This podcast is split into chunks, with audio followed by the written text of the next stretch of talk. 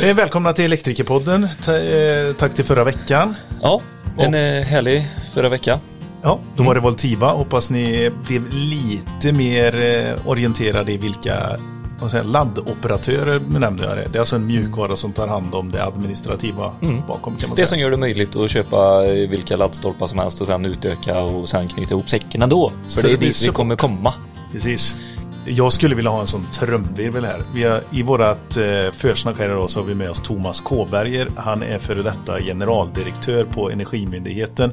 Och det är bara en av eh, handfull många andra häftiga uppdrag du har haft Thomas. Välkommen till Elektrikerpodden. Tack. Vi har precis spelat in ett eh, riktigt schysst avsnitt där vi pratar om Sveriges återigen elförsörjning och världen, hur det ser ut lite grann med elförsörjning och ny teknik och Väldigt mycket ny teknik kom vi in på. Det var Ja, skitkul.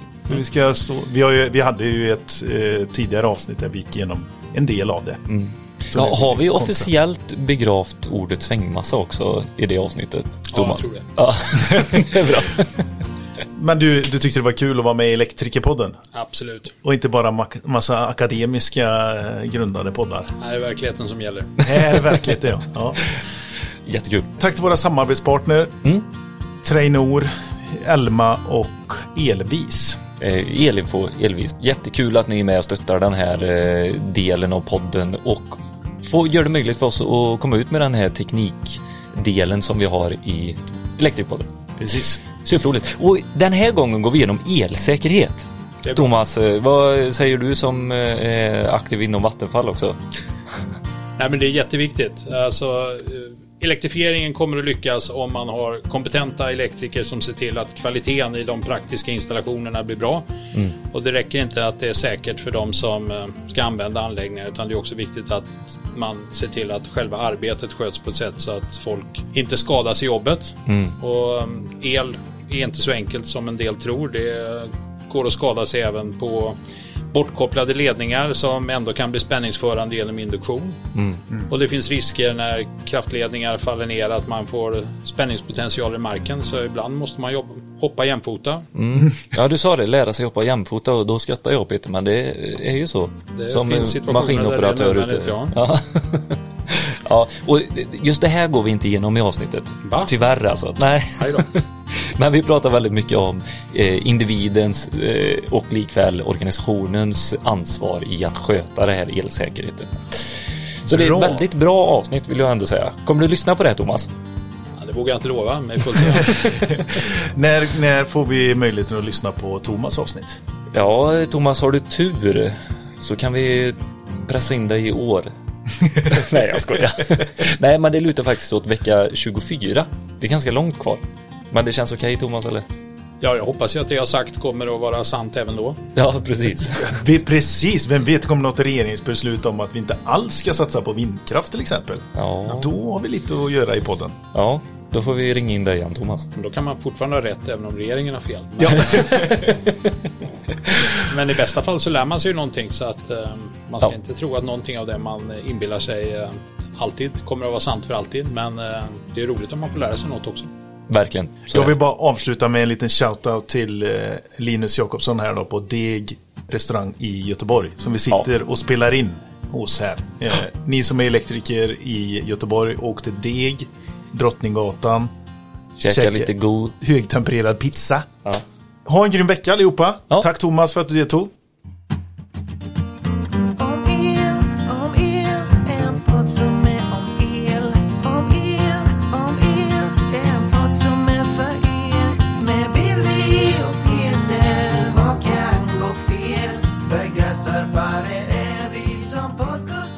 Yes, då kör vi! Vi har en ny teknikinspelning. Det känns gött. Det har tagit lång tid eh, den här säsongen för att få ihop detta. Alldeles för lång tid. Ja, har ni varit otåliga? Hopp. Hopp. Jag har stått i hallen hela tiden. Ja, precis. Redo. Och det är ju spännande för idag har vi en, en ny gäst också. Va? Eller Jajamän. gäst, vi har en ny expert i panelen. Henrik Blomstedt. Jajamän. Välkommen. Kanon. Tack så mycket. Henrik Blomstedt, eh, produktchef på Trainor i Sverige. Eh, vi har ju ett bolag även i Norge som Mm. ägs via. Det är min roll och nu är jag här eh, och jag vet inte vad jag ska säga riktigt. Jag var mer nervös ska jag väl säga än de andra. Jag har kanske inte stått och stampat och väntat på det utan jag är mer, mer nervös. Ja, Okej, så du har känt så här, fan vad skönt att jag har inte fått något mejl? Ja, ungefär så. Och sen så dök det upp ett par mejl där så då tänkte man shit nu är det verklighet. Så nu är det bara att sätta sig i bilen och åka. Ja, men vad härligt. Men och eh, Trainor som du jobbar för, eh, ni är ju även samarbetspartner här i podden. Jajamän. Eh, hur, hur ser du på det här samarbetet eh, som vi har tillsammans? Jag hoppas ju att eh, vi kan hjälpas åt och göra främst elsäkerheten i Sverige bättre. För det är ju vårt primära mål. Det är ju elsäkerhet och arbetsmiljö. Det är ju det vi siktar på. Svinkul! Och det är det som är grunden till den här panelen också. Det är verkligen att sprida kunskap på ett lätt, eh, ett lätt sätt och komma ut också på ett lättförståeligt sätt. För som vi har sagt förr, vill man lära sig mer, gå djupare, då får man gå en kurs. Läsa liksom. Det, det, det finns ingen quick eh, fix på det. Så är det, men eh, ni får mycket bra information här eh, genom oss ändå, skulle jag säga. Hur, hur, har, eh, hur har det varit eh, sen eh, sist eh, vi sågs? Har ni fått mycket kommentarer eller någon som har eh, sagt någonting? En hel del.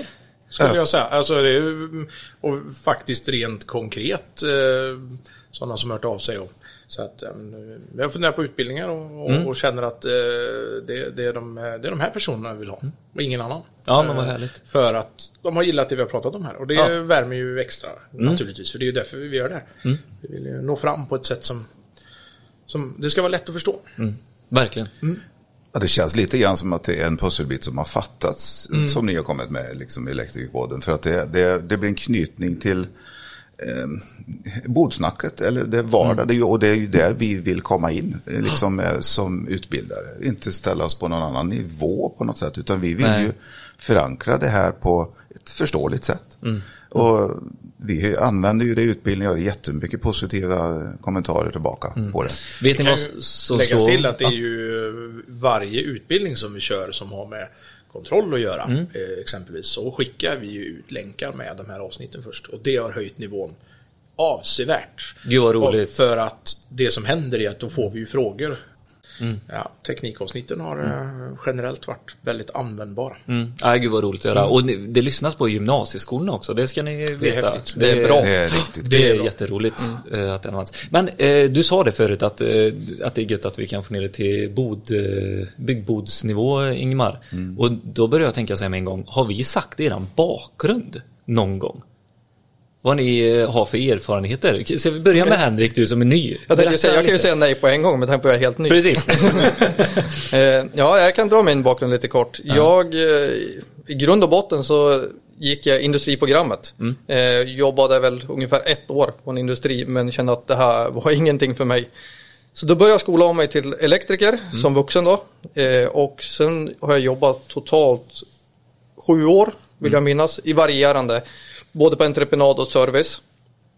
Eh, sen har jag fått lite problem med eh, händerna som har gjort att jag kunde inte fortsätta helt enkelt. Jag hade för, mycket- jag hade för ont Ja. utav olika anledningar. Vi kan komma in på det sen för det har lite med elsäkerhet att göra och en elchock.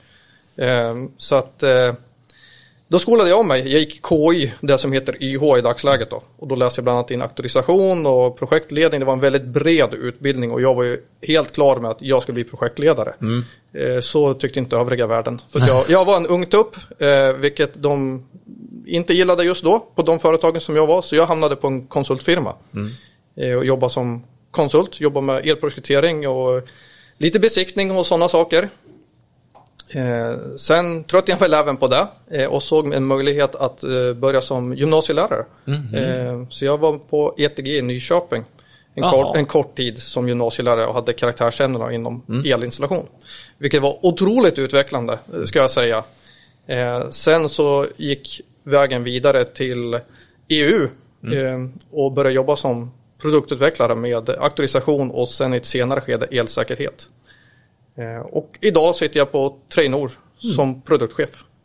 Superhäftigt. Det är, en, det är en jätteresa. Ja, verkligen. Mycket erfarenhet. Mycket eh, erfarenhet. Många olika plan i branschen. Ja, absolut. Det ju kul att du har sett mycket. Ja, och sen måste jag väl säga att jag har ju bärt med mig, alltså grunden hela tiden om man säger så, att man har varit elektriker och varit ute, det har ju genomsyrat, ja, man, man märkte att jag kom ju in på rätt spår där, för jag har ju bara esk- gått vidare i den karriären, Ja. om man ska vara helt ärlig. Ja, Industri, precis. det har jag släppt helt och hållet och sen ser jag vad det innebar. Ja. Så det kan jag tyvärr ingenting om längre. Nej, Så är det. Ingemar, vad har du för bakgrund? Ja, det, här tar tid. det är egentligen... Den äldsta det är, gänget.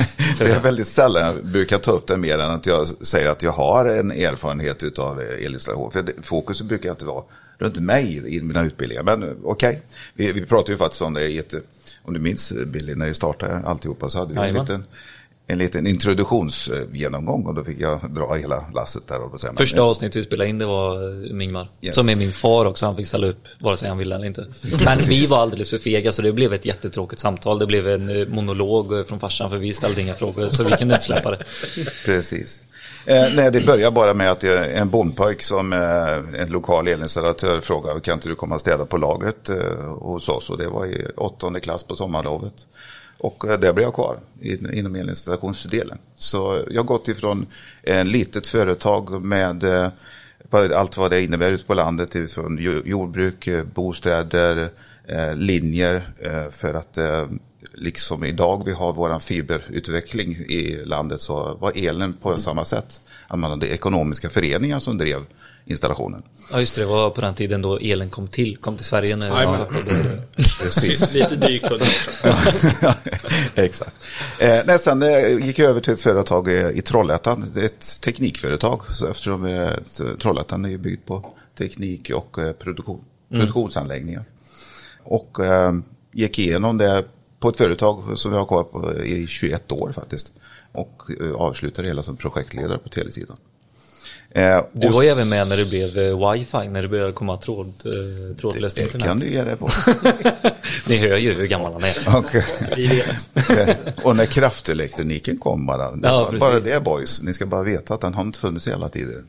eh, sen gick jag över faktiskt på eh, produktsidan genom att eh, jobba på eh, Ahlsell i sex år. Och, Där vi sitter idag. Är inte just eh, i de här eh, lokalerna men på Ahlsell i Trollhättan sitter vi och spelar in idag. Det är faktiskt gamla kollegor som går här nere på golvet fortfarande. Ja. Och sen blev jag sugen på liksom att lära ut. Så att, eh, sen började jag på ett gymnasium här i närheten, Vänersborgs gymnasium. Och gick vidare sen i vuxenutbildning som lärare. Jag hade hand om. Och nu kör ni, eller kör du eget Yes, med, tillsammans med ett nätverk. ja. Och Johan då? Ja. Vad har du gjort i din Ja, det är några år sedan det är med. Eh, runt millennieskiftet där så, så var jag färdig elektriker. Jag, jag skulle, det var någon som sa till mig att du är läshuvud så du måste ju eh, gå något studieförberedande program. Eh, det tog ett tag innan jag fattade att det var inte det jag ville. Så jag hoppade av. Hoppade på elprogrammet, skulle gå automation, såg industrin framför mig. Vet att jag sa när jag valde elprogrammet att ja, jag ska inte åka runt på Orust och skruva vägguttag. Och så såg jag en herre framför mig som definierade den bilden för mig. Liksom. Eh, Jag bodde ju, var ju född och uppvuxen ute på Orust. Då. Och eh, sen ägnade jag åtta år åt att skruva vägguttag på just Orust. Eh, konstigt nog. Nej, men jag fastnade på installationsbiten, en slump egentligen, och träffade Fick kontakt med det som blev min arbetsgivare och det är egentligen så den, en helt fantastisk eh, arbetsgivare och en fantastisk relation som gjorde att ja, men det blev min väg. Så väldigt, väldigt mycket av det jag gör idag kommer därifrån. eh, Utifrån LS och Gustafssons el. Um, ville läsa in eh, behörigheten eh, för att kunna starta själv i framtiden. Stötte ihop med Ingmar som då var min lärare. Jag sökte mig till Lernia och läste. Och han, inte mer än färdigt till det, så blev det, fick jag en fråga om att hoppa in på gymnasiet och, och vara yrkeslärare. Så jag blev där ett antal år. Läste in en yrkeslärarexamen och precis som Henrik säger, alltså, det går inte att beskriva hur lärorikt det är. Det är, man gör en sån resa när man tar det klivet och bestämmer sig för att ja, men nu måste jag kunna förmedla. Och jösses vad man behövde jobba för att nå dit. Vi, det kommer ju komma ett eh, avsnitt här med eh, lärarrollen och han eh, eh, Anton som var med där Ja. Han sa att man får vara pappa, storebror, Jajamän. lillebror, eh, psykolog Ja. och yrkeslärare. Jag, jag håller med om den bilden helt och hållet. Och det, Så är det. Och, och det är jätte, jättelärorikt. Eh, sen så vart det den här röda tråden igen. Det var ju Ingmar som dök upp. Vi, vi, jag vet inte vilka diskussioner vi hade men det slutade med att vi blev kollegor. Eh, han såg till att jag blev anställd på samma ställe som honom, ett konsultbolag där vi höll på med utbildning. Och, eh, då kom jag också i kontakt med företagsutbildningar. Då. Precis. Och också med sen senare med Henrik via EU och Insu eh, som kursledare där. Då. Eh, Och nu sen tre år tillbaka, eh, på dagen, höll jag på att Nej. säga. Nej, imorgon. Ja, Är det tre år sedan jag drog igång själv. grattis. Fan, det kom jag på nu. Ursäkta, nu svär jag. Men, ja, men det är så roligt. Ja. Ehm, så att det gör jag idag. Ja, ni är ju på toppen av karriären nu när ni sitter i podden. Ja, men så, det kallas, härifrån kan det bara gå ut för alltså. Ja, det är det jag menar. Ja, men Så du har inte för höga Nej, eh, nej, men det, var förhoppningar det kan, förväntningar kan behöva komma ner i storlek. Eller så är det en språngbräda till nästa. Så kan det Who verkligen knows? vara. Ja, det vill inte Billy höra, det ser jag. Nej, men Men så, så här, så den eh, vägen är det. Skitkul! Och så roligt att vi har så mycket erfarenhet. Och så har vi mig och Tim Baloo. Vi eh, behöver inte gå in så mycket djupare än Nej, vi har att... inte eh, så mycket. Nej, vi är bä- bä- bästa vänner, bästa kollegor, bästa eh, projektledaren i Trollhättan är Tim och, och sådär va. Vi kan Det också så lägga det. till att det är ju bland de absolut bästa studerande vi har haft också. Vi har ju haft Billy på auktorisation och så sent som igår, i förrgår, så var ju Tim med en auktorisationsutbildning och jag var helt färdig, helt slut. Mycket intressanta frågor, men jag tror ni var lika färdiga och slut när vi åkte hem. Men kul hade vi och bra var det. Ja. Ja, kul. Men vi ska gå in på dagens ämne. Du, du, du, du, du. Elsäkerhet. En svinviktig punkt. Det är konstigt att vi inte har haft det förrän nu. När vi har hållit på i över ett år. Tycker jag, känner, känner jag spontant. Ja, men det verkar lite fram och det man kände lite på, på branschen. Och just där och då när vi gick igenom e- egenkontrollsprogram och sånt, det var ju när jag läste auktorisationen som eh, Tim håller på med nu. Och då märkte jag så här att det här är så, det var ganska nytt också med egenkontrollsprogrammet. Det hade, eh, året innan så var det stämplat att nu måste alla ha det och sånt där. Och det, det var skönt att få ut det och få igång den processen också, tyckte jag själv. Så därför blev det så. Och, eh, så ja, det, det här är ju våran podd. Jag och Peter, vi bestämmer ju lite vad, eh, vad vi vill ta upp. Men ni får jättegärna skicka in också, för då tar vi det. När det är någon som vill ha ett ämne eller någonting, då, då tar vi det med en gång. Och så tar kontakt med den personen. Men elsäkerhet i alla fall. Jag, jag tänkte så här. Eh, jag läste en eh, rapport ifrån Elsäkerhetsverket från eh, 2020. Som jag tänkte att jag ska säga, eller prata lite om här nu. Så ska vi börja i den änden. Och det är ju alltså tyvärr elolyckor som vi pratar om då. Och det här är bara yrkesmän som varit med om elolyckor. Yrkesperson. Yrkesperson, Yes. exakt. Men och då är det så här, 2016 till 2020 då skedde det 218 stycken olyckor.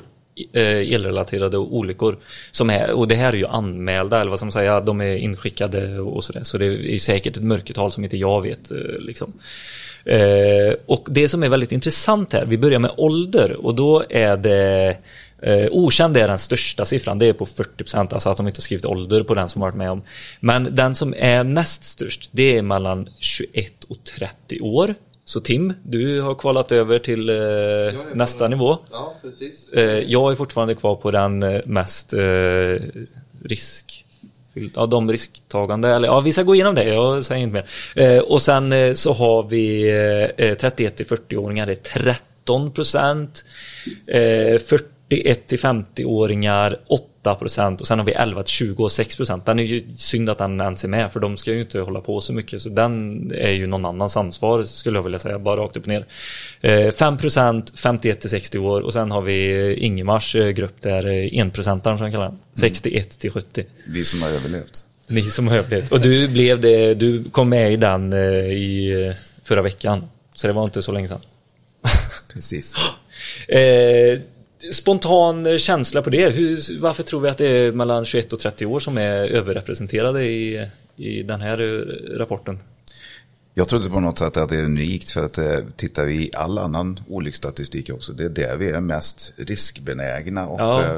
eh, inte bara det, utan det, liksom, livet pågår så mycket mer just i den häranden. För att man kanske skaffar barn och allt möjligt sånt där. Och du är aktiv, Mm. så du har så mycket annat runt omkring dig. Så att det, det är mycket annat som helt enkelt tar fokus. Och i en vanlig vardags eh, eh, arbetssituation så kan det bli det som blir avgörande för ett syvende och sist när du ska ta ställning till, ska jag ta och ta tid till att göra det här jobbet som jag behöver göra för att göra riskbedömningen? Eller måste jag hämta ungarna på dagis? Det, det, vi behöver inte liksom göra det till någon... eh, Fast där eh, idag grej, tror jag, det det, är- har nog flyttats lite 21 till 30. Det är inte riktigt Nej, likadant det- idag nej. när man, att man har barn så. Jag, jag tror att det är mycket med eh, okunskap. Att man inte riktigt vet vad som händer och att man kanske inte vill fråga. Man vill göra jobbet eh, liksom utan att eh, avbryta det så att säga för att fråga och allt det här. Att man, är, man vill göra bra ifrån sig och inte störa. Det ligger nog lite i det, jag tror också lite i det du säger där Billy, att man har ganska höga prestationskrav på sig själv Ja. i dagsläget, vilket gör att man tar inte den säkra vägen många gånger Mm. och frågar, precis som du är inne på. Och sen absolut, det bygger ju på erfarenhet också. Mm. Ja. Så därav kan det ju vara en överrepresentation i den åldern. Mm. Eh, Men jag tror mycket det som Ingemar är inne på också, liksom det övriga sociala spelet, vi har så jäkla mycket press på oss Mm. utifrån i allting. Vi ska hinna träna, vi ska prestera på jobbet, vi ska ha flådiga bilar, vi ska ha stora hus och det ena med det andra och vi ska vara, ja vi ska ha framgång i alla områden. Så det Mm. finns ju alltid en stor press på oss hela tiden. Och det här går ju in och spökar med oss i alla situationer, både inom arbetet men även privat. Mm. Och då när vi kommer till bland annat riskanalyser och de bitarna, är man inte riktigt mentalt med, då eh, har du fokus på något annat, ja då, då ser du ju inte farorna heller. Så är det ju faktiskt. Nej. Man kan ju också lägga in, det finns ju en anledning till att det är dyrt att försäkra en bil när du är under 25. Ja. Eh, Det finns ju både statistik och även, om jag inte missminner mig, även lite rent liksom biologiska kopplingar som gör att vi Ja, men vi har inte riktigt växt färdigt. som ja, men, alltså det, det finns ju saker som Mo- inte riktigt... mognaden, eh, som du tänker, eh, ja. rent Sen fysiskt. tänker jag också när man, eh, jag ser ju den här statistiken framför mig, jag vet inte riktigt hur den är baserad till antalet verksamma. För det är ju också så att fördelningen i verksamma i våran bransch kan jag tänka mig ser något liknande ut som den här också. Alltså att det är fortfarande som flest kvar eh, som fortfarande är eh, elinstallat eller ja, mellan den åldern tänker jag. Ja, eller att alltså att det är där det är ja. flest elektriker ute och jobbar i Det- den åldern. Så att det, det utan att jag ser inte det men Det var ju Det- faktiskt bra att du sa det, för Ja. här sitter vi och säger att man kanske är ung och dum och lite hetsig. Men det är ju faktiskt absolut den största åldersgruppen också som Japp. kanske är För, verksamma. för det man, man får i utbildningssammanhang eh, ofta se en helt annan sida också kan jag Ja. tycka. Att det är faktiskt där eh, man tänker till ordentligt. Ja, och, ja. och för att man har fått med sig det, kanske skolor har lyft det ännu mer på agendan och allt möjligt som gör Mm. att det... Så det finns exempel som visar, tycker jag, tvärt, tvärt emot också. Och de främsta eh, orsakerna till de här olyckorna det är ju enligt, eh, enligt statistik eh, är ju tekniskt fel vid ibrukstagande 11 procent. Och så har vi tekniskt fel under användning 13 procent. Och den största delen är ju arbetsfel 76 procent. Det säger ju en del. Mänskliga faktorn. I mångt och mycket så är, ju- är det ju det. Och, eh, jag tror vi, vi får inte glömma av att vi är som vi är som människor. För det är en jätteviktig del. Självklart att det är ju den största delen. Det, när, jag, när jag var igång en gång i tiden så var våra medelålder 29 år i branschen. Så det, det är ju bara att titta på det. Liksom. Vi är ju absolut mest i, i den eh, ålderskategorin även nu. Men eh, det är den mänskliga aspekten och sen tänker själva in i en situation liksom, om, om man ska diskutera någonting i en arbetssituation. Hur ofta är det inte liksom att vi ska göra det eh, snabbt, effektivt, ekonomiskt och alltihopa de parametrarna. Det är det vi kanske lyfter upp i ett samtal först. Mm. och har det rättesnöret väldigt högt liksom, i prioritering. Så att det, vi, vi, så vi inte liksom säger att ja, men det här borde vi fatta. Och det tror jag vi alla fattar. Du bara tittar på statistiken, ja det är arbetsfel. Men just då, när vi kommer fram till situationen, vad är det egentligen som gör att inte jag själv gör det? Eller en, en arbetsledare, varför lägger vi inte mer tid på att förbereda det? Eller vad vi nu kan eh, säga att det är, vilken, den situationen. Så det är inte konstigt att det blir så här. Men för den så ska vi inte ge, ge upp, utan det är på vilket sätt kan vi göra det så enkelt så att vi bara rakt upp och ner, ja men självklart ska jag göra det här först. Mm. mm. Och det drar ju oss in på nästa statistik här. Vad är det som sker vid just det arbetsfelet? Det är också väldigt intressant tycker jag. Och här är det ju 27 procent ej vidtagen eller bristfällig skyddsavskärmning. Vad innebär det? Eh, skulle man eh, fråga dem mellan eh, 20, 21 till 30 år, vad är, vad, är det, vad, vad är en skyddsavskärmning? Tror ni många skulle kunna svara på det?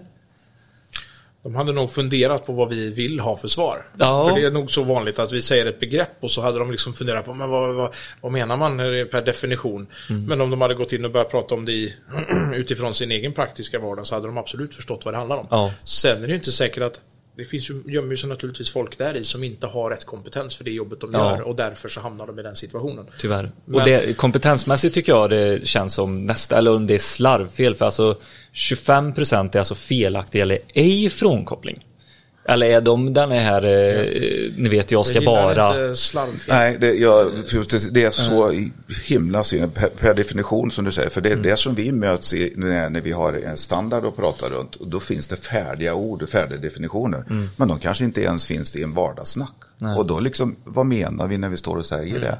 Så det är jätteviktigt. Och så slarv liksom. Men vi är människor. Vi kanske är uppbyggda av någonting som gör att vi ändrar en arbetssituation av någon anledning. Ska jag bli kallad för att jag gör ett slarv då? Nej, men det har påverkat mig att det var något annat som jag satte på högre prioritering. Att det, liksom, det var en tidsfaktor. Det var... Eh, Bra och dålig dag. Alltså det, det måste ju, även om det inte får hända, det ska motverkas. Men vi måste ju vara så pass ärliga och förstå att vi är människor. Eh, vissa dagar så är vi inte alls på hugget och inte alerta. Och andra dagar så är vi som allra bäst. Och det, det, det, det kan inte bara vara jag som har ups and downs, utan det tror jag vi alla har. Ja, så, och det är ju de måste man ju förbereda på. Så därför så, bara så vi inte fastnar i ett slarv Nej. eh, begrepp. Jag, jag, ja, jag har lite... Det är aktiva så val, mycket, det, fin, menar ja, det finns ändå så mycket bakom det för att, Ja. vad ska man säga, förminska någon med begreppet slarv. Det är det jag inte, Ja, det vill jag undvika. Ja, På något sätt. ja. Det ser inte så- jag förminska, det ser jag nästan ofria. Ja, det var lite slarvigt eh, gjort. Ja, Men det är då ett så sätt att se på det också. Ja, ja, absolut, jag förstår. Det, det kan bara vara hur Ja. vi tolkar begreppet. Men Ja, precis. Men det är Ja, skitintressant. rätt eller fel. Alltså, verkligen. Och så nästa är ingen spänningslöshetskontroll. Alltså du har inte uh, spänningsmätt. Och det är ju också ett slarv Johan. Nej jag skojar. Ja, fast det, det är ju där vi säger, det är ju den billigaste livförsäkring du har. Ja. Det är att du gör att du kontrollerar att driftspänning är från slagen. Ja. Det, det, det måste vi ha med oss i ryggmärgen. Ja. För det, det är ju som sagt, det är ju som yrkesverksam elektriker, det, det är ju våran livförsäkring. Att vi använder våran spänningsprovare. Mm. Jag, när jag jobbar på gymnasiet så brukar jag säga du får inte lita på någon. Nej. Om någon säger att spänningen är avslagen, du får inte lita på någon. Du får inte ens lita på din egen mamma, brukar jag ta som exempel. Det är jättebra i samband med gymnasieelever att trycka på den biten. Eh, men eh, nej, du har bara dig själv och du måste använda din spänningsprovare. Det är den absolut bästa sättet att kontrollera. Och du verifierar ju. Mm. Att det. mäta är att veta. Att mäta är att veta. Helt Jag rätt. brukar inte säga det. Eller vad säger du Tim?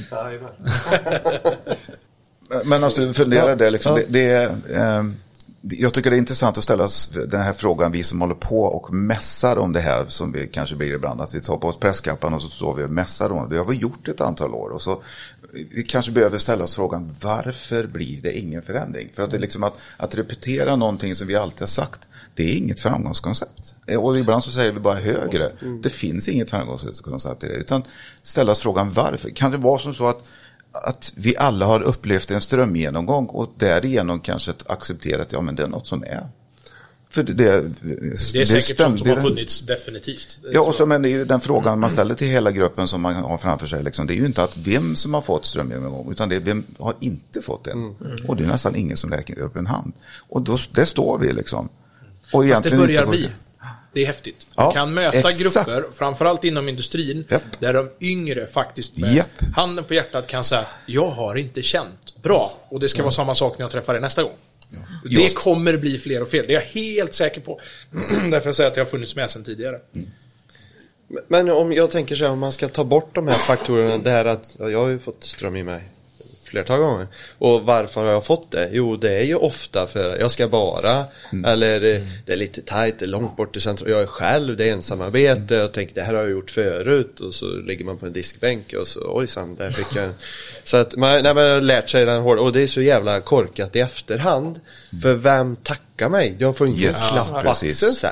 Det är ju det som är grejen. Eh, Det är det man kan ta en fundering. Är det någon som kommer tacka dig efteråt sen när du ligger där Mycket eh, viktigt. stel? Det är förmodligen ingen. Eller det är ingen som kommer göra det. Är det det som ska vara en frågeställning som ska vara istället för en checklista? Eller ska den vara med som en punkt Ja, faktiskt. Lika mycket som Johan sa att det finns punkter på checklistan med hur mår du idag? Ja, ja. Men En, jag en tycker mental det... incheckning. Ja. Helt Ja, enkelt. Ja. Är, är, jag, är jag i mentalt eh, stadie för att göra den här typen Ja. av arbete idag? Yes.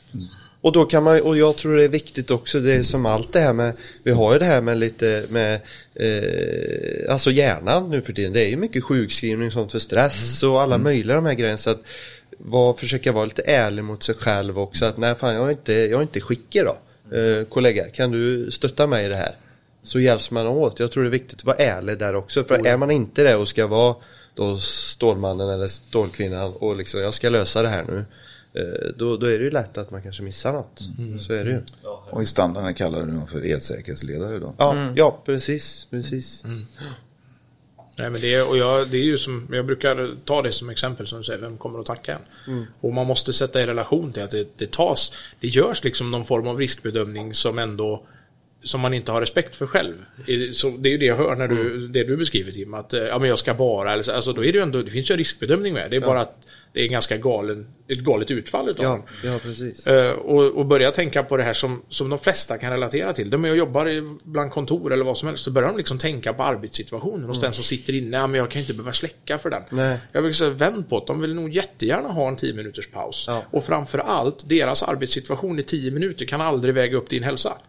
Det är så otroligt galet sätt och man måste ibland ta ett steg tillbaka och fundera på det. Nu ska vi gå på kärnan här. Mm. Vad fasiken är elsäkerhet? Vad innebär det? Vart börjar det? Och vart eh, slutar det? Slutar det någon gång? Komma hem hel och ren efter jobbet. Eller hel i alla fall. Det är väl egentligen där det handlar om.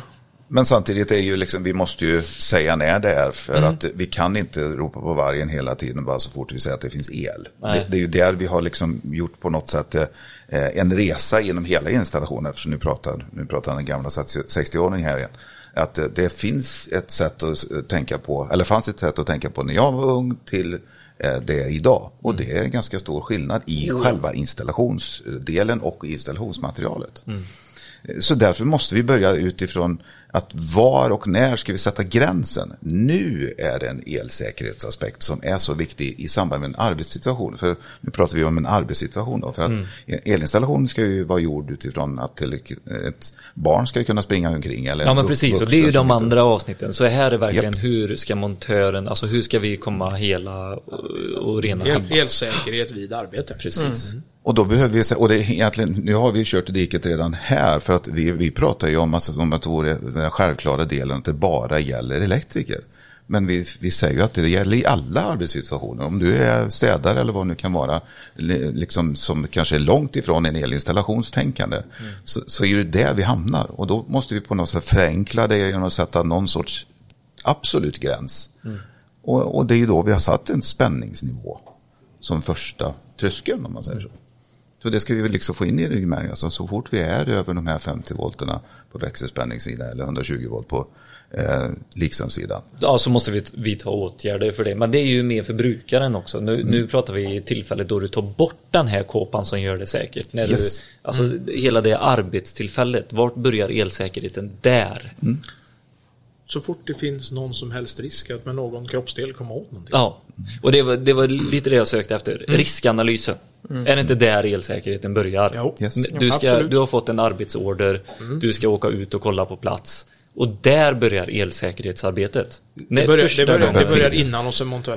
Helt Ja. säker på. De får arbets, när de har arbetsorden i handen så börjar de fundera på vad det innebär när de åker Ja. ut. Har, och det, det är liksom, sen eh, ibland är det dokumenterat, ibland är det inte dokumenterat. Men det börjar där.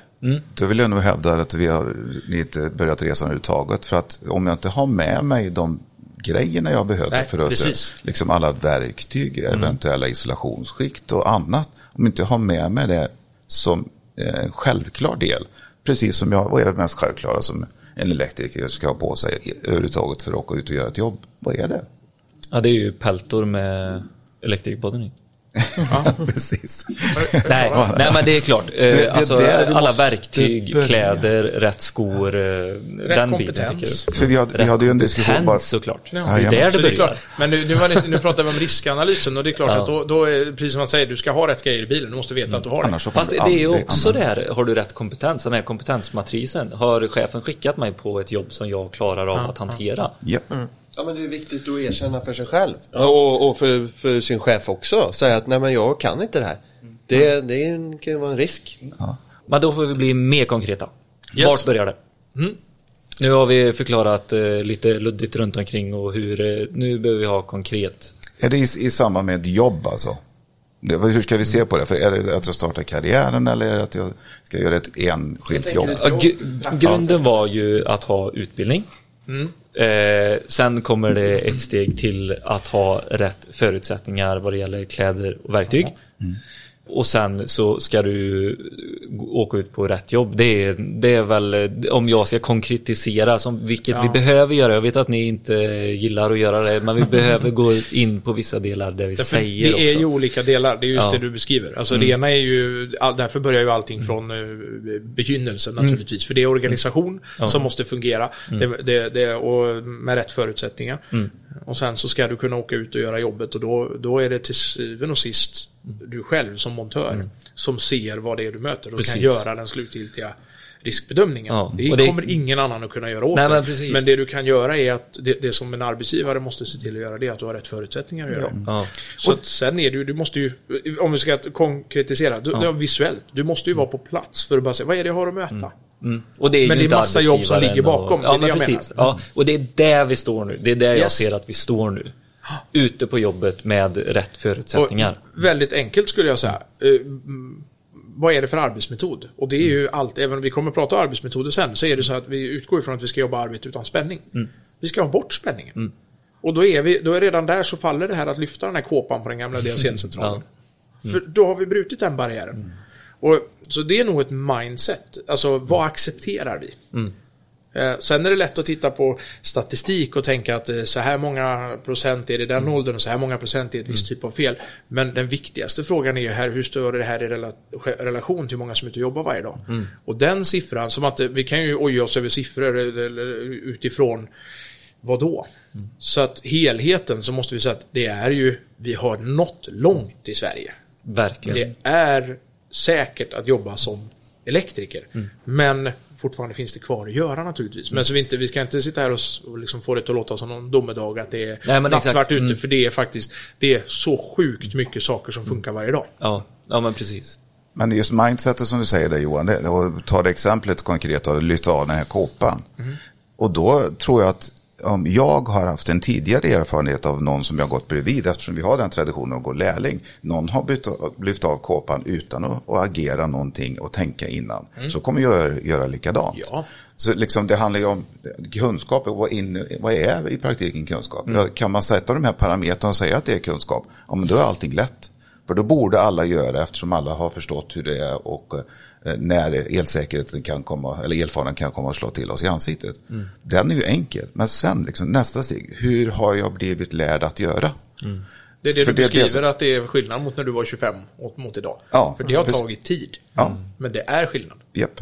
Så där, därför är ju liksom den, den delen som är hos eh, oss äldre montörer, det är ju det beteendet jag har tagit med mig ifrån början. Men det du kanske missar då som lärling när du står bredvid en äldre montör, det är att han har gjort riskanalysen redan när han kliver in i första dörren i anläggningen på väg ut mot den DAC-centralen som ni ska till.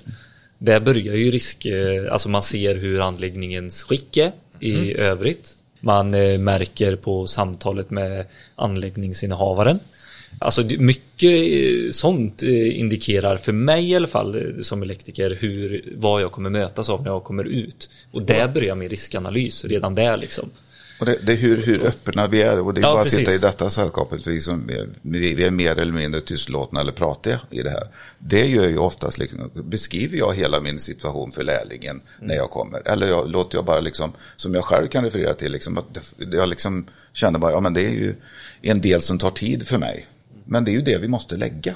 Liksom, ta den tiden till att lära varandra och, och, eh, bidra till det. Och du sa en jätteviktig synpunkt utifrån, det helt plötsligt så tog du in att du har pratat med den som äger anläggningen. Och det är ju också en, liksom, en förutsättning för att vi överhuvudtaget ska gå in i anläggningen. Och det är att veta hur den fungerar.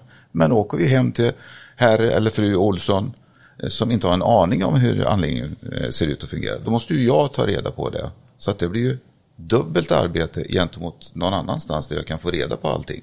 Så det är också en jättestor skillnad. I Ja, man kanske inte, de kanske inte ens är hemma och möter dig i dörren utan det är lagt ut nyckeln och så är det bara att gå in och tuta och köra liksom. Ja. Verkligen. Vart börjar man när man lär ut, eh, liksom Henrik? Vart, eh, vart börjar ni eh, på Trainor? Ni har ju e-learning och sånt. Va- Vart liksom grundar sig elsäkerhetsutlärningen där då? Ja, alltså ja, absolut. Vi har e-learning. Det, det är en stor del utav vår verksamhet. Vi har ju lärarledda kurstillfällen, alltså i klassrum också, självklart. Eh, men e-learning är väl någonting vi ser kommer. Eh, Alltså vi lever i ett on-demand-samhälle bland annat. Eh, och eh, vi ser att det finns pedagogiska fördelar med det också. För att kontra om om man tar skillnaden i klassrum, om vi sitter 20 personer på en kurs som behandlar elsäkerhet, att ställa den här lite knepiga frågan, det kan ju vara rent av lite jobbigt eller jag förstod inte det här vi gick igenom. När man då tittar på e-learning, där kan du ju backa hur många gånger som helst. Samma sak när du har genomfört kursen, har du tillgång till kursen efteråt. I alla fall hos oss. Ehm, så du har möjlighet att repetera. Så när du kommer ut på ett arbete till exempel. Ja, hur var det? Hur gjorde jag just de här bitarna? Vad skulle jag titta på här? Ja, men då kan jag gå till just det här kapitlet. Och gå igenom det ytterligare en gång. Okej. Det är ju grymt. Det, det, är, det är bra för att då är inte det någonting som är man sätter upp att bara vi går och får ett bock i kanten var tredje år så har vi löst allt. Nej, Ja, exakt, då, det, det, det, det. måste, det måste vi ifrån. Det var lite dit jag ville komma också. För tyvärr så tror jag att elsäkerhet är ju en måstekurs eh, hos många. Eh, och eh, jag vet själv när man har stått och kört kursen och man frågar hur många är här utav egen fri vilja och hur många är hitskickade utav sin arbetsgivare. Ja, det är ju 90% i alla fall som alltid räcker upp handen, om inte alla till och med, som säger att de är hitskickade för att de måste. Och det är ju mycket som känns att det är, som Johan är inne på här, de vill ha bock i sitt protokoll. Vi har gjort det här, helt enkelt. Eh, sen är det ju som Ingemar var inne på också, alltså, vi har ju stått och kört det här mantrat ett x antal år eh, utifrån standarden. Eh, hur ska vi få till en förändring? Det, det är ju den största eh, svårigheten. Det, så är det ju. Få in det i vardagen. Få in det i vardagen, absolut. Och vi tror ju att en del i det här är ju med e-learningen att du kan gå in och repetera, titta på det, för då får du en applicering i din vardag. Det, det är väl så vi, vi ser på det i alla fall. Finns det några standardiserade protokoll, eller typ ett kontroll eller en checklista alltså just för elsäkerhet? Att man som man tar när man går ut ur nu en öppnar du egen Pandoras ask. För det, liksom det, det är nästan som man inte vill ta ordet i munnen längre. Liksom att det här checklistor, det har, det har fått någon sorts eh, helig graal-tänkande över Ja. sig. Liksom att bara vi har en checklista så har vi löst allt. Men jag tänker som hjälp, som, eh, bara Jajamän, som, som stöttepelare Jajamän, liksom. Att absolut. jag sitter i bilen och så kanske det är just fan jag sov dåligt i natt här. Jag ska ut på jobbet men jag tar den här till lite extra hjälp. Mm. För då bara, ja nej men eh, fan jag är med i matchen. Det är väl ett Det- jättebra stöd. Det är det är ett ihåg-lapp. stöd. Det är Ja. precis som att åka och handla tre grejer och så kommer man bara ihåg två stycken eftersom de inte skrivit upp alla tre på en ja, lapp. Enkelt. Ja, Men, men samtidigt så jag vill ändå backa till, jag är lite, jag är lite motvalls där när det gäller checklistor och sådana här saker. För det, det är bra stöd. Mm, Vi, vi kan inte ha det för allt. För bara, bara den listan du behöver ha för att kolla din servicebil så du också har levt upp till de kraven som finns för att åka säkert till kunden. Så börjar det, det börjar bli lite ohållbart. Det måste vara något annat som är hjärtat av det här och så är checklistan ett stöd. helt klart. Och då är vi åter tillbaka att man måste förstå, det måste vara öppet på företag. Och det blir en fråga om företagsklimat. Och Jag tänker bara på eh, Henrik, vi vet ju inte hur din, din karriär började. Så vi, vi ställer frågan. Bara när du kom till en arbetsplats som elektriker första gången ihop med någon äldre figur som eh, var din mentor eller vad man nu ska säga. Hur, vad, vad liksom, hur var ag- agendan kring säkerhet? Var den på tal överhuvudtaget? Vad fick du med det? För det är ju det Ingmar pratade om förut som är så viktigt. Man kan säga vad man vill, vi gör ju som vi gör, det är ju som ungar. Ja, ja, ja precis. Och, och så vad möttes du av första gången? För den har vi alla en bild av. Och möts du av ett företag som börjar med att ta runt dig i anläggningen och tala om att här är det säkerhet som går först. Mot att någon bara säger vi gör så här och så rycker på axlarna för allt. Då har du ju gjort, det är en enorm skillnad på det internet. Vad mötte du själv? Ja, jag själv var nog, det var nog snarare att eh, här får du ett avdankat eh, elbälte med lite fickor på. Här får du lite gamla verktyg. Ta dem, ut och kör, ut och skruva. Så här kopplar du in ett vägguttag. Så här kör du en strömställare, här ska du sätta doser. Så det, ja, det ska jag nog ärligt säga, det tog eh, bra lång tid innan jag ens gick någon kurs. Alltså vi, som sagt jag läste ju på Lernia eh, som eh, vuxen, eh, elprogrammet. Eh, och då behandlar man ju elsäkerhet men det var ju en ytterst liten del i det hela. Det var ju inte det som var fokus. Nej. Utan Men det- fo- fokus var ju att lära dig installationer och kunna komma ut och vara yrkesverksam. Eh, Elsäkerheten är ju naturligtvis med i skolorna och det ska den Absolut. vara. Men jag tänker mest på vad som, det, återigen det som är så viktigt. Hur funkar det där du är? Och det är ju företagskultur eller klimat Ja, ja. eller vad man så väljer att kalla det. Och det, det är den jag är ute efter liksom. Och det låter ju inte som du fick. Du, du fick inte den genomgången. Du fick inte den att man har satt det högt på agendan. Nej. Den tror jag är väldigt avgörande. Och sen ska jag väl ärligt säga att det skilde sig ju från vilken handledare du hade då, såklart. Alltså, gick du med gammelräven som hade något enstaka år kvar, det var lite mer lösa boliner ska man väl Yes. ärligt säga. Eh, och eh, sen så gick man med ett par personer som var lite yngre eh, och som jobbade mer mot entreprenadsidan. Eh, då var det lite skarpare istället och det var tydligare framförallt hur vi skulle arbeta. Eh, Men som det här med blockering och skyltning. Det tog lång tid innan jag fick en egen skylt överhuvudtaget eller ett blockeringsdon. Så att bara en sån sak. Någonting som alla borde ha. Alltid. Och vad hade du för förutsättningar som individ att påverka det? Inget alls. Nej, jag ska väl- Egentligen. jag ska för väl- att du inte visste. Jag tänkte just säga det, det här byggde ju på min egen okunskap. Yes. Ska jag väl säga. Japp. Det är ju det det handlar om i det här fallet. Det var ju min okunskap. Hade jag haft kunskap, precis som Billy var inne på. Hade jag haft kunskapen då hade jag kunnat ifrågasatt det här. Yes. Men eh, då hade jag inte det. Och sen var man ju som sagt, man var ny. det var det också. Man ville ut och eh, prestera. Man ville inte sätta sig själv på några höga hästar och börja bråka om någonting. Utan man vill ju ut och prestera. Men vad gött att vi tar upp det här nu då så att vi får den här baskunskapen att Yes. ifrågasätta någonting. Hur jobbar ni med elsäkerhet? Den frågan kan man verkligen ställa och så fråga den tills du vet svaret och förstår och hur ni ska jobba. Alltså alla. Nej, Jag kom på nu, för jag menar, vi pratar mycket om att man kan ta hjälp och sånt, men de här som har startat eget då som 25-åringar och kanske inte fick den här eh, ingången så som vi har sagt att de har frågat om elsäkerhet. Så. Nu står de själva i ett eget. Vart börjar deras eh, elsäkerhetsarbete då? När man inte har någon att titta på eller ta hjälp utav i verksamheten. Det är ju detta som är så förmånligt för att jag vill nog hävda att vi har haft det hela tiden. Vi har jättebra rättesnören att gå efter. Det vill säga liksom att det finns ett tankegång och ett arbetssätt att jobba efter. Och det är bara den kunskapsdelen. Liksom. Hur tar vi till oss det? Ska det vara via en kurs? Ska det vara via liksom er- erfarenhet eller en kombination? För vi kan alltså köpa handboken 446 och sätta oss ner och börja läsa i den. Men liksom, det är ju ingenting som eh, eh, ligger i en utbildning på gymnasiet. Att, ja, du får tänka på att du får läsa en hel del här som eh, elyrkesman. Utan jag vill ju använda händer, fötter och allting sånt där och agera i det. Så rent kunskapsmässigt så tycker jag det är inte svårt att se var jag kan hämta kunskapen. Utan det, det är liksom hur implementerar vi det i en organisation? Måste vi åka till ett utbildningsföretag? Måste vi liksom göra det på en avsatt tid? Eh, var, var någonstans kan jag få en feedback om det liksom jag har förstått eller inte? Så det, det finns där. Men jag, om vi backar till 25-åringen som har startat själv. Hur löser 25-åringen de andra sakerna? Det går inte att rycka på axlarna för hur du ska redovisa din, din ekonomi. Du måste ju se till att sätta dig in i det. Det tror alla är så pass, nu får jag vara stygg och säga, uppskrämda. Så det, det löser man. Man ser till att man gör rätt från start. För annars vet man att det kommer att svida lite. Du menar att Elsäkerhetsverket ska bli som Skatteverket? Ja, men de har ju samma roll. Fast på olika områden. Ja. Det är en myndighet för elsäkerheten, en myndighet för att vi ska se till att vi får, får in, betalar in rätt skatt. Men om du vill börja ta tag i det här så är det precis som, som Ingmar säger. Jag har en handbok som bygger på, på, på, på skötselstandard. Och den ihop med det som, som eh, Elsäkerhetsverket kan ge oss så kommer du väldigt, väldigt långt. Så Men det det, handlar om att det är precis på samma sätt som att du går in och läser på Skatteverkets hemsida som också är jäkligt bra.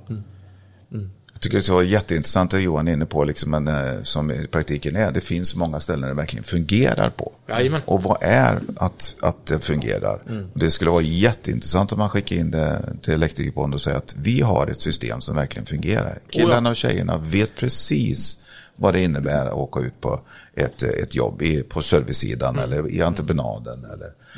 Yes, eh, men då tycker jag att eh, vi kan eh, eh prata om det här eh, kravställning på kursen som vi var inne på. Du, du sa Henrik förut att eh, vissa har kravställning, så det finns ingen kravställning från e-, Elsäkerhetsverket att man ska gå en kurs eh, si och så du tänker på eh, repetitionsbasen eller vad är det du Yes. tänker på? Repetitionsbasen. det, precis. Just när det gäller elsäkerhet vid arbete så finns det ju inte någonting som säger att det är ett visst antal år emellan repetitionerna. Nej. Utan det här blir ju upp till varje företag och egentligen utifrån egenkontrollprogrammet Ja. som man reglerar det här. Eh, sen har vi en branschpraxis som gör att de flesta har en treårsrepetition. Ja. Det är den tillräcklig tycker du? Nej, alltså det är väl lite därav vi satsar ganska hårt på e-learning. Som jag sa tidigare, vi ägs av ett norskt bolag. Eh, där har de ju helt andra krav. Där har de ett myndighetskrav som ligger på ett års basis, repetition. Därav har man en e-learning i dagsläget eh, för att kunna stöta upp det. Det finns även som klassrumskurs även i Norge. Men eh, e-learningen kör de mesta. Och det är väl lite som sagt, vi har en rekommendation eller en branschpraxis som säger tre år. Det är ingenting som säger att du kan repetera oftare. Inte att du inte kan repetera. Nej men alltså, du skulle egentligen kunna köra på årsbasis. Ja. Och det är lite därför vi vill pusha på det här med e-learningen. Den, den är liksom besparande i, i tid. Du behöver inte resa framförallt. Och du kan ta den när det finns luckor. Alltså det finns alla de här möjligheterna.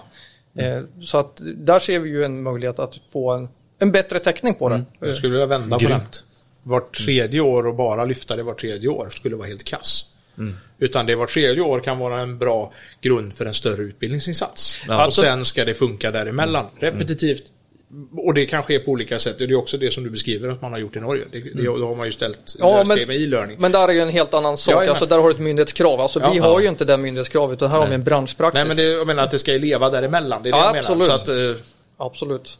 Jag kan, jag kan lägga lite historiska perspektiv på det hela då. Och det Norge har kvar egentligen. Det är ju att vi har varit myndighetsstyre en gång i tiden. Och det är därigenom de här tre åren har kommit. För det stod i föreskriften och föreskriften måste vi följa. Och det stod var tredje år. Och sen har det bara växt på. Men, men det är väl det vi måste liksom tänka på liksom i ärlighetens namn. Kan vi ta det som står i standarden idag? För den släpper det helt fritt genom att säga det ska ni bedöma. Beroende på vad ni har för arbetssituation så ska ni bedöma hur ofta behöver vi prata om det. Och sen har vi ju hela eh, systematiseringen som säger liksom, ja men här kan du lägga örat mot marken och lyssna med aj oj, det vill säga tillbud och olyckor. Därigenom så får du ju en backup till och en feedback. Hur fungerar alltihopa där ute? Och är det många tillbud och olyckor, ja då måste jag ha den kunskapen och eh, erfarenheten. Ja, det innebär det här måste vi prata om oftare. Precis. Så det här liksom att, vi, då återigen, alla, alla är ute efter, säg vad ska jag göra så gör jag det. Men snälla någon, det, vi, vi måste förstå vår egen situation. Det är jag som ska bedöma det. Fast och är det- jag arbetstagare, arbetsgivare, så måste jag liksom ha igång den diskussionen. Eller veta hur jag ska läsa av. Men det är ju För- därför vi har ett samtal här och inte läser direkt från ett papper. För att vi Yes. diskuterar ju detta hur man ska tänka i sin organisation och hur man kan applicera de olika sakerna. Så det tycker inte jag, det är därför vi sitter här idag. Liksom. Japp. Att kolla eh, på dig själv och hur det funkar. För att det, det Johan var inne på förut, det som är en tillsyn på det här, det är tillsynsmyndigheter som kommer ner till organisationer och så knackar på frågar om det är Arbetsmiljöverket eller Elsäkerhetsverket, det beror ju på vilken fråga det är. Och då knackar de på oss och säger, hur har ni gjort det här? Och då säger vi, vi har systematiserat det på här, det här sättet. Och så presenterar de en hyllmeter med, med papper eller digitalt dokument. Men då, säger då vet ju myndigheten om att det är inte det som styr. Utan nu, säger, nu går vi ut och frågar gemene man ute på golvet. Och då får man feedbacken direkt. För då säger de att, vadå systematisering? Det har jag aldrig sett. Ja, men det finns en massa checklistor. Okej, vad är de? Liksom, då, då förstår man hur verklighetsanknutet det här är. Som vi har möjlighet att gå efter. Så det är ju här det är en, liksom, en skillnad. att eh, Vi har jättemycket basebollträ att slå folk i huvudet med. Men liksom, till veckan nötta som vi säger i Skaraborg. Liksom, det, är, det, är, det är där vi behöver komma in. Och jag, liksom, vi får inte glömma av att vi är människor, vi är beteenden, vi är kulturer, vi är det som styr oss till syvende och sist. Och systematisera människor, det är de duktiga på i Nordkorea men eh, Exakt. liksom, det är inte här. För Ja, ja, men det, det det, är så ingen, det är ingen lösning när vi säger att bara vi kör det en gång per år så är det en lösning. det är en Nej, lika nej. bra lösning som att köra på var tredje år. Utan vi måste titta oss själva i spegeln. 25 år, jag startar eget, vad innebär det för mig? Och så går jag igenom massa olika. Nej, Eller så efterhand. input, verkligen. Och det är superbra. Eh, Jag tänkte att vi ska gå igenom eh, lite begrepp nu inom elsäkerhet också. Vi har ju de tre begreppen. Arbete utan spänning, arbete nära spänning, arbete med spänning. Ska vi börja med det första? Arbete utan spänning. Enkelt. Det är som det låter. Exakt. Varför ska vi krångla till? Mm. Men hur långt, jag tänker bara så här då. I det här med kåpan på en elcentral. Mm. Till en DC-central. Eh, då slår jag av huvudbrytaren på eh, elcentralen. Mm. Och så lyfter jag locket. Arbetar jag utan spänning då? Nej. Nej. Nej. Nej, jag vill bara kolla. Jag vill Ja, bara kolla. för att- Ja. För att det är ju spänning fram till huvudbrytaren och Ja. det är i kapslingen och det är jävligt nära. Ser jag. du att spänningen är borta när du har tagit- när du slår på brytaren? Har du kunnat mäta och verifiera? Liksom, Att se- mäta är att veta. Ja, Ja, för att ja, jag ser du, ja, ärligt talat, med våra de sinnena vi kommer i den här kostymen som vi kommer i, kan vi med de sinnena se spänning? Nej, nej, nej. nej. Nej, eller hur? Ja. Ja, vad ska vi fortsätta med sen? Nej, nej. Ja, jajamän. Men jag, jag tänker det är en viktig, för det här är ju, jag försöker ta verkligheten, det verkligaste är ju Yes, att man kommer in yes. i ett hus, slår huvudbrytaren. Det är säkert. Jag lyfter bort kapa. För att, och det är Och så, varför så gjorde du det? igår, För troligtvis någon annan har gjort det. Ja, jajamän. Och varför ska inte jag göra likadant? Nej. Men du, säger vi att det, alltså arbete Kan du- utan spänning, det är ganska enkelt. Jag komma åt med någon Ja. kroppsdel. Ja, jajamän. Ja, precis. Det, det, det är han. Men, men återigen, det är så I en som exempel. armlängds avstånd, Ja. Nej, utan, Nej, det- kan du det i ett moment på något Ja. sätt ramla, eller någonting som gör att du kommer åt med en Ja. kroppsdel. Ja. Eh, Då är det inte längre arbete. Precis, och det kan du ju veta av erfarenheten. När du har slått av brytaren där så finns det ingen möjlighet att röra några anslutningar där. Nej. Så, så tänker du på det sättet och har det som rättesnöre, ja, då har du ändå missat att vet du att spänningen finns där eller inte. Jajamän. jajamän. Så det, det är helt rätt som du säger, men det, det blir ju sekundärt liksom att eh, nästa bedömning då, för det är ju då vi kommer in på nästa. Arbete nära spänning. Då, kan du, då får du ta ett, ett område på 30 cm ut därifrån och tänka samma sak. Ja. När det gäller lågspänning, upp till 1000 Ja. volt. Så om vi tar elcentralen då? Kan vi ta den som exempel? Ja, det, det finns egentligen två bedömningar. Antingen är jag så långt ifrån Ja. Mm. en punkt som jag kan komma åt. Så att det är, är, jag har bedömt att risken att jag kan komma innanför de här 30 centimeterna. Den är så liten så jag kan säga att med hjälp av avstånd så kan jag jobba på ett säkert sätt. Ja. Då är det 30 centimeter. Yes. Ja. Innan då. Utanför, eller inom. Eh, eh, Din Minst. kropp, Ja, din kropp liksom eh, ska vara 30 centimeter ifrån. eller det du har i din hand. Ja. Precis, kropp eller verktyg. Och eh, till exempel en, en klassiker då, liksom, alla har ju skadat av ett, en yttermantel på, med kardeler innanför som är billedare och sånt där. Ja. Och det sprätter iväg. Ja, då sprätter ju det iväg kanske innanför de här 30 cm. Och då måste jag liksom i min riskbedömning tänka på att nu får jag gå ifrån. Och så skada, göra färdigt. Ja, och sen ja precis. Om jag nu ska ha, om det nu är, för, för frågan liksom, varför ska spänningen vara Ja. kvar? Varför? Det är ju den här liksom, det är varför-frågan vi ska ha med oss hela tiden. Ja, jajamän. Så då skulle det här arbetet med att lyfta kåpan kunna vara arbete nära spänning? Ja, om det är 30 centimeter Ja, ifrån. men jajamän. nu, vet nu ser jag inte rent fysiskt. Nej men den är ganska bred elcentral så jag tar ytterkant, står vid den, vid hörnet av elcentralen. Då är det arbete nära spänning. Ja, Eftersom men- jag har slått av på huvudbrytaren som sitter längst till Om vänster. nu kåpan är gjord i metall och du ska börja röra Ja, den här runt ja, så det är är ju det innanför, innanför liksom området 30 direkt. centimeter. Precis, Ja. precis det blir ju, du håller ju kåpan i händerna Ja, och det är ju hela, det är ju där man måste tänka på om du har stora otympliga verktyg Ja. så kan ju de lättare komma innanför de här 30 centimeterna. Det är ju det här med ergonomiskt avstånd som man måste tänka på eller vingelavstånd Ja, ja, precis. Ja men det är ju bra. Ja, men vingelmån brukar man ju säga. Ja, Du kan snubbla till eller du har otympliga verktyg helt enkelt.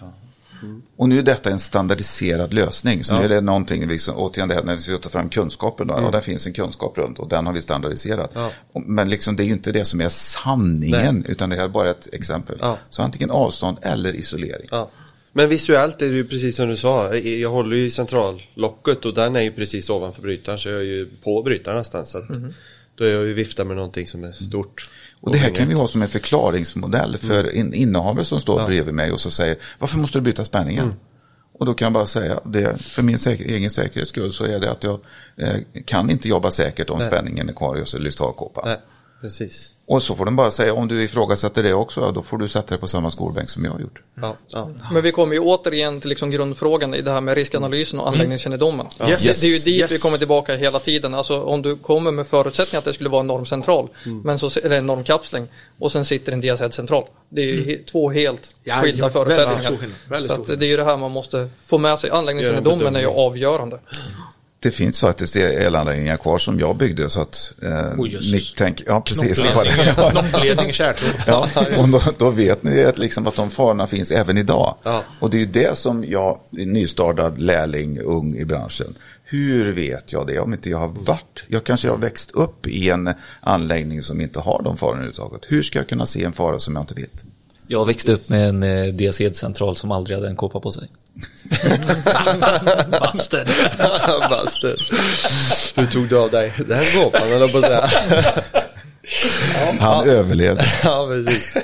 Eh, ja, men då tänker jag vi har hittat en måttstock där då. Eh, då tar vi arbete med... Ja, ja, spänn- ja, ja, ja, Nej, nej, det, det, var, det är inte bara avstånd utan sen är det isolation. Ja, Så liksom, vi kan alltså välja, vi kan alltså vara innanför de här 30 centimeterna. Mm.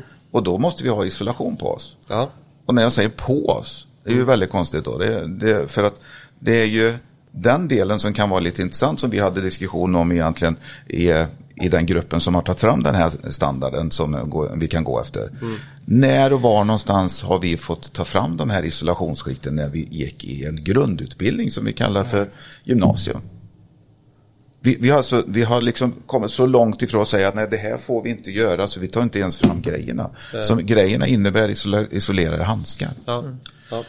Man kan Om ta man det är innanför de här 30 centimeterna. Precis, då, då är, ni med på logiken här. För Ja. det, det är ju det som man är på något sätt hela tiden ifrågasätter. Jag i alla fall ifrågasätter. Varför gör jag det här? Och jag vill ha en logik i det. Liksom. Annars, så blir annars så får jag inget argument för min egen kropp att göra det. Nej, men, nej, för, men det är det jag menar, det finns ju, vi ska ju arbeta utan spänning. Men det finns ju de, vi har ju de här två, vi har ju tre, men vi har två alternativ till. Nära spänning och utan, och de fin, eh, eller med spänning. De finns av en anledning, för att i vissa fall så måste vi tumma på det här för Yes. vi ska kunna utföra jobbet. Ja men snälla du, Och- hur kan du mäta en spänning utan spänning finns? Ja, ja. Så visst jobbar vi med spänning på. Ja, jajamän. ja. Men det är väldigt många företag som säger att vi jobbar bara med principen arbete utan spänning. Ja, det är väldigt lätt att säga och Jag skulle vilja säga Dinas eh, att- prov... Eh, Det är ganska lätt att slå hål på. Eh, Proberna som är 40 centimeter och så Som ska vara kortslutningssäkra också. Nej, men det, det jag menar Är du med för på att- logiken? Liksom, vi får inte lämna den så vi bara liksom ska förklara de här begreppen. Det, spelar ingen roll vad det står här i definition. Vi måste förstå kunskapsmässigt Mm. logiken i den. Jo men det är ju det att jag, jag, de här tre kan jag ju ha och luta mig mot. För jag vet, ah, jag är inom det här området, då behöver jag, då får man en liten klocka nära nu. Då behöver jag använda de här verktygen, jag behöver tänka på det här eh, lite extra. Eh, För det så- enda vi har pratat om nu, det är ju strömgenomgång. Ja. För vad är det för någon annan egenskap som kan bli aktuell i en sån arbetssituation? Ja, kortslutning, ljusbåge. Ja, för kortslutningen håller sig inne i materialet så det är inga bekymmer. Men kommer den ut i luften så de atomerna som blir kluvna där, de blir varma. Ja, bland annat. precis. Ja. Och tål våra gummihandskar det? Förmodligen inte. Nej, utan det blir precis som vi har fått ta in när du ska in i ett ställverk och jobba. Och det är hög sannolikhet för, för stora ljusbågar om det skulle hända. Du får inte gå in där med linser. För då smälter ju linsen fast på ögat och det, det är svårare att rädda ett sånt öga. Det blir samma sak med gummihandskar på händerna. Liksom istället för att bara ta bort eh, det som har bränt på skinnet så får du ta bort all plast och därigenom så får du ta med det som plasten sitter fast i. också. Ja, beklädnad överlag. Alltså att man Ja, kanske inte ska ha på sig fleecejackan när man ska göra ett sånt arbete. Och det, och det är också eh, en aspekt som kommer vara väldigt stor i elsäkerheten. Därför tänker vi att vi ska ha ett helt eget avsnitt på Yes. just det med ljusbågsenergi och eh, vad det innebär för sig själv och sin egna säkerhet med kläder och, och så vidare. Så om vi kommer, eller om vi håller oss till isolation just Ja. nu. Vi kan säga det då. Nu håller vi oss till isolation. Isolation. Vi, ska- vi, vi ska inte få en strömgenomgång. Nej, nej.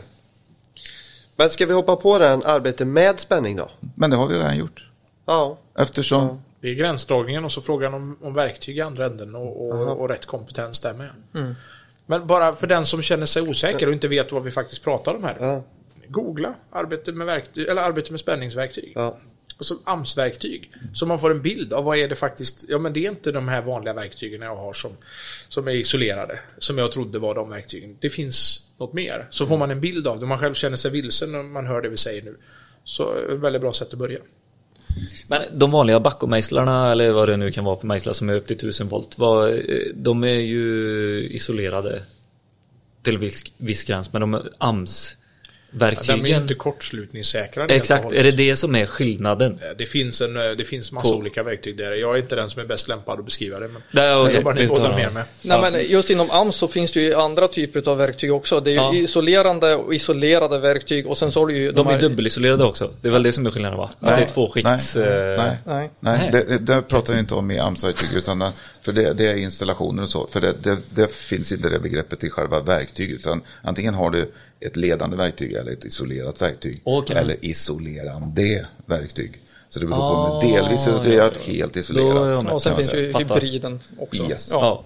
Och det är mejslarna som vi använder Till exempel. Till exempel. Ja. Just det.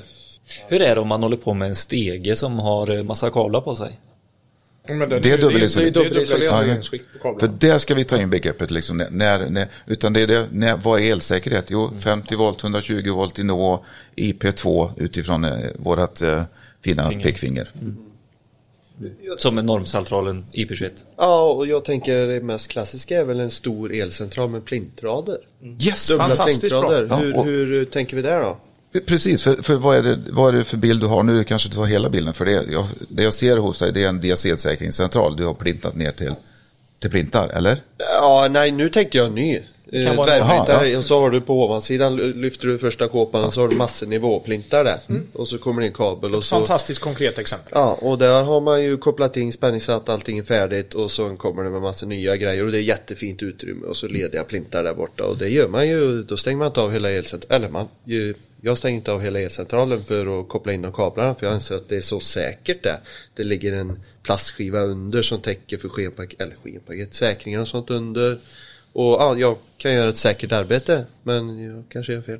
Vad är det du i praktiken, i praktiken har gjort nu när du pratar om det? Det. Riskbedömning. Exakt. Ja. Och då, det är ju det som jag trodde vi var ute efter. Liksom. Vad- När är nivån då med utan tanke om att det kan bli en elfara? Ja, det, kan man säga att det är arbete ut, det är inte arbete utan spänning för att det är ju en eh, anläggning som är spänningssatt. Helt rätt. Men det är nära spänning. Nej. Fast när, Utan- med spänning. Nej, Men med isolationsskikt har du löst så att det är arbete utan spänning. Ja. Kan du komma åt med någon kroppsdel?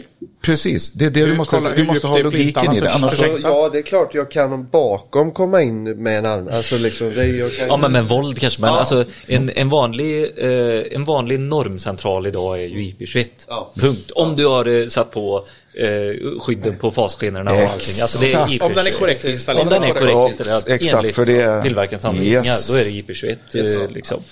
Och då har du dubbelisoleringen mot... Eh, mot ja, precis. Nu har vi gått igenom de här begreppen eh, som vi kallar eh, de eh, jag vet inte om man säger, det är nästan bara AMS man säger när det är arbete med spänning, annars så benämner man inte de andra. Men alltså vi, det är arbete utan spänning, arbete nära spänning och, och arbete med spänning. Yes. De tre arbetsmetoderna. De tre arbetsmetoderna som finns och jag har ju gått eran elsäkerhet, e-learning elsäkerhetskurs, heter den så? E- E- Elsäkerhet vid arbete. Exakt, tack. Yes. och där pra- pratar vi väldigt mycket om eh, tvåbarriärsregeln oavsett eh, om det var arbete nära spänning eller arbete med spänning. För arbete utan spänning, den, eh, den var ganska solklar. Men någonting som vi inte får glömma att säga där, det är att du ska flagga, låsa, mäta, sen är det arbete utan spänning. Ja. Det glömde vi faktiskt säga Yes. här. Så det är jätteviktigt för att det ska Oerhört bli viktigt. Det- arbete utan spänning. Yes. Det är de kriterierna innan du kan säga det. Men det här tvåbarriärsregeln, jag tyckte det var svinbra. Jag hade aldrig hört det förut. Jag har ju praktiserat det eftersom det är så man jobbar. Men att man får det tänket hela tiden. De här tvåbarriärsstegen i alla moment man gör. Skitsmart.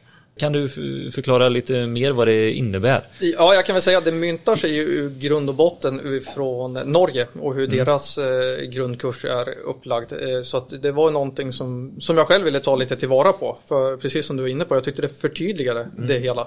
Eh, och det handlar ju egentligen om att du behöver ha två barriärer hela tiden. Att det kan vara i form av beklädnad, det kan vara verktyg, det kan vara avskärmning, det kan vara eh, avstånd, alltså att vi spärrar av ett område för då hindrar vi folk att komma in.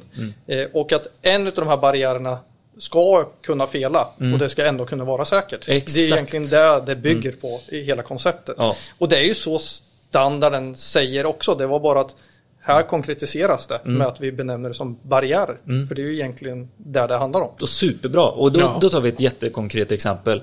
Du ska byta en eh, ett uttag. Det är ett supervanligt. Då är det alltså, då plockar du säkringen, en barriär. Du går ut i mät och mäter det uttaget som du ska byta. Nummer två i barriärsnivå. Glömmer du det ena, alltså att plocka säkringen, då upptäcker du när du mäter. Ja.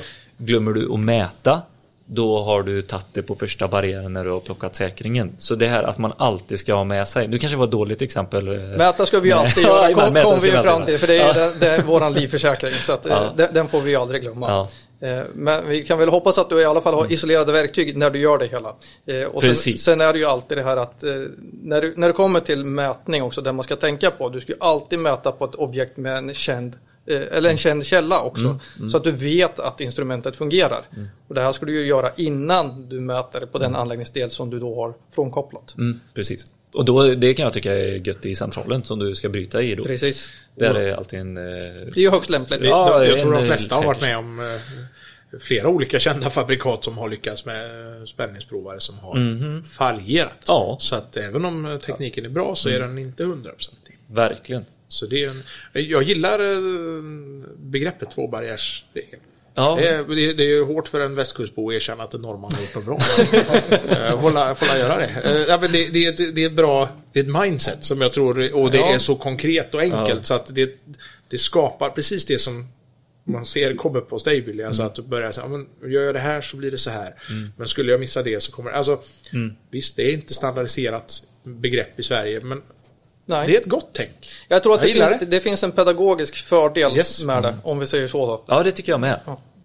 Nej, den är eh, sjukt eh, intressant. Och det som var roligt med eran eh, kurs också, det var att det var exempel ifrån verkligheten. Det Mm. var en elektriker som satt och pratade. I och för sig på norska, men jag vet inte om det är på alla kurser. Det Den, finns, de, den finns på svenska numera. så Varför det- fick jag den norska varianten? Ja, för vi, vi var där i det här läget. Ja. Jajamän. det var kul ändå. Alltid roligt med norska, man blir glad liksom. Ja, Ja. men Man kan inte bli arg på en norrman. Nej, så är det. Superkul! Henrik, hur kändes det här? Jaha, det var spännande. Är, Ja. det är nervöst. Det är det fortfarande? Ja, lite. Det är Ja. Nej, men det, Är vi så skrämmande? Ja, va? nej, det, det känns helt okej ändå. Ja. Men det, det här avsnittet är faktiskt eh, till sin eh, ändå. Jag tycker det har varit superbra avsnitt. Vi har pratat otroligt mycket hur man jobbar i organisationen för det är fasen där det liksom grundar sig allting. Och individen. Och individen. individen. Självklart. Det är den kombon. Ja. Eh, och det var inte riktigt det jag trodde vi skulle prata om idag, men det blev det. Och det är ju så det är, för att eh, vi går in i ett samtal och så pratar eh, fram oss. Och jag hoppas verkligen att ni alla som lyssnar på det har fått mycket bra information som ni inte hade innan eller som ni kan använda er av som individ eller som arbetsgivare, organisation. Och här är väl en sån grej, för jag menar det finns så mycket mer. Ja. Ta de frågor, om det väcks Mm. frågor här nu så det blir massa frågetecken. Teknikforumet, det är ju faktiskt, det blir mer och mer eh, som händer här i. ja, men det är För kul. då blir det också möjligheten att se att, ja men vänta nu, vi behöver ett helt avsnitt om det här. Mm. Det är det. faktiskt, det, väl- det eh, finns inget bättre. Ett avsnitt eh, lite senare här är direkt ifrån eh, vårat eh, teknikforum. Från eh. Gustav Nordström Andersson som hade frågor om eh, elsystemet Mm. i Sverige. Så där tar vi ju ett helt avsnitt i hans ära. Det är ju fantastiskt. Ja, jättekul. Och han är ju, eh, gymnasieelev. Ja, ännu roligare. Ännu roligare. Ja, verkligen. Superkul. Tack så jättemycket för idag. Tim. Så mycket. Om el, om el för er. Om el, om el för er.